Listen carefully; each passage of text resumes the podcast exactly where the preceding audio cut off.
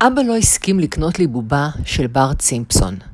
אמא דווקא כן רצתה, אבל אבא לא הסכים לי. אמר שאני מפונק. למה שנקנה? אה? אמר לאמא. למה שנקנה לו? הוא רק עושה פיפס, ואת כבר קופצת לדום. אבא אמר שאין לי כבוד לכסף, ושאם אני לא אלמד את זה כשאני קטן, אז מתי אני כן אלמד? ילדים שקונים להם בקלות בובות של בארט סימפסון, גדלים אחר כך להיות פושטקים שגונבים מקיוסקים. כי הם מתרגלים שכל מה שהם רק רוצים בא להם בקלות.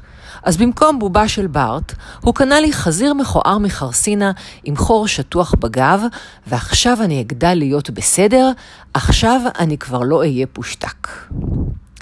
כל בוקר אני צריך לשתות עכשיו כוס שוקו, אפילו שאני שונא.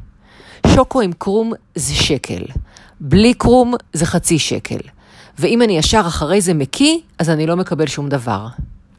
את המטבעות אני מכניס לחזיר בגב, ואז כשמנערים אותו הוא מרשרש. כשבחזיר יהיו כבר כל כך הרבה מטבעות, שכשינערו אותו לא יהיה רעש, אז אני אקבל בובה של בארט על סקטבורד.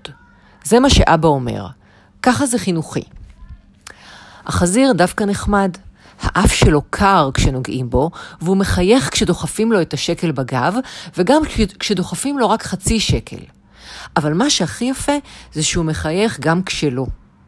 המצאתי לו גם שם, אני קורא לו פסח זון. על שם איש אחד שפעם גר בתיבת, דואר שלנו, ושאבא שלי לא הצליח לקלף לו את המדבקה. פסח זון הוא לא כמו הצעצועים האחרים שלי, הוא הרבה יותר רגוע. בלי אורות וקפיצים ובטריות שנוזלות לו בפנים, רק צריך לשמור עליו שלא יקפוץ מהשולחן למטה. פסח זון, תיזהר, אתה מחרסינה, אני אומר לו כשאני קולט אותו מתכופף קצת ומסתכל על הרצפה. והוא מחייך אליי ומחכה בסבלנות עד שהוריד אותו ביד.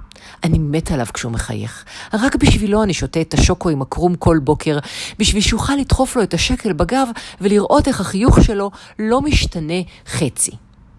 אני אוהב אותך פסח זון, אני אומר לו אחרי זה. פר, אני אוהב אותך יותר מאבא ואימא. ואני גם אוהב אותך תמיד, לא חשוב מה. אפילו אם תפרוץ לקיוסקים. אבל דיר באלק אם אתה קופץ מהשולחן. אתמול אבא בא. הרים את פסח זון מהשולחן והתחיל לנער אותו הפוך ובפראות. תיזהר, אבא, אמרתי לו, אתה עושה לפסחזון כאב בטן. אבל אבא המשיך. הוא לא עושה רעש. אתה יודע מה זה אומר, יואבי? שמחר תקבל בארט סימפסון על סקטבורד. יופי. רק תפסיק לנער את פסחזון, זה עושה לו להרגיש רע. אבא החזיר את פסחזון למקום והלך לקרוא לאימא. הוא חזר אחרי דקה. כשביד אחת הוא גורר את אימא, וביד השנייה הוא מחזיק פטיש. את רואה, את רואה שצדקתי, הוא אמר לאימא. ככה הוא ידע להעריך דברים. נכון, יואבי? בטח שאני יודע, אמרתי, בטח. אבל למה פטיש? זה בשבילך, אמר אבא, ושם לי את הפטיש ביד. רק תיזהר. בטח שאני אזהר, אמרתי, ובאמת, נזהרתי. אבל אחרי כמה דקות לאבא נמאס, והוא אמר, נו, תשבור כבר את החזיר. מה? שאלתי. את פסח זון? כן, כן, את פסח זון, אמר אבא. נו, תשבור אותו. מגיע לך הברט סימפסון. עבדת מספיק קשה בשבילו. פסח זון חייך אליי חיוך עצוב של חזיר מחרסינה שמבין שזה הסוף שלו. שימות הברט סימפסון, שאני אתן עם הפטיש בראש לחבר? לא רוצה סימפסון. החזרתי לאבא את הפטיש. מספיק לי פסח זון. אתה לא מבין, אמר אבא. זה באמת בסדר, זה חינוכי. בוא, אני אשבור אותו בשבילך. אבא כבר הרים את הפטיש, ואני הסתכלתי על העיניים השבורות של אמא ועל החיוך העייף של פסחזון, וידעתי שהכל עליי, אם אני לא אעשה כלום, הוא מת. אבא! תפסתי לו ברגל. מה יואבי? אמר אבא כשהיד עם הפטיש עוד באוויר. אני רוצה עוד שקל בבקשה, התחננתי.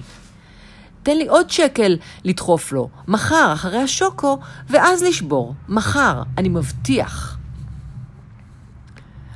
עוד שקל חייך אבא, ושם את הפטיש על השולחן. את רואה? פיתחתי אצל הילד מודעות.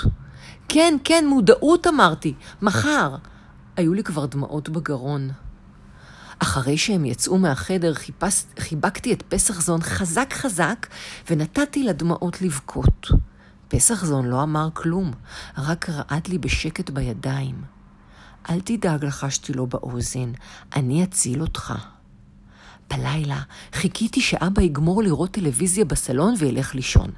ואז קמתי בשקט בשקט והתגנבתי ביחד עם פסח זון מהמרפסת. הלכנו המון זמן ביחד בחושך עד שהגענו לשדה עם קוצים. חזירים מתים על שדות, אמרתי לפסח זון, כששמתי אותו על הרצפה של השדה, במיוחד על שדות עם קוצים. יהיה לך טוב כאן. חיכיתי לתשובה, אבל פסח זון לא אמר כלום. וכשנגעתי לו באף בתור שלום, רק תקע בי מבט עצוב. הוא ידע שלא יראה אותי לעולם.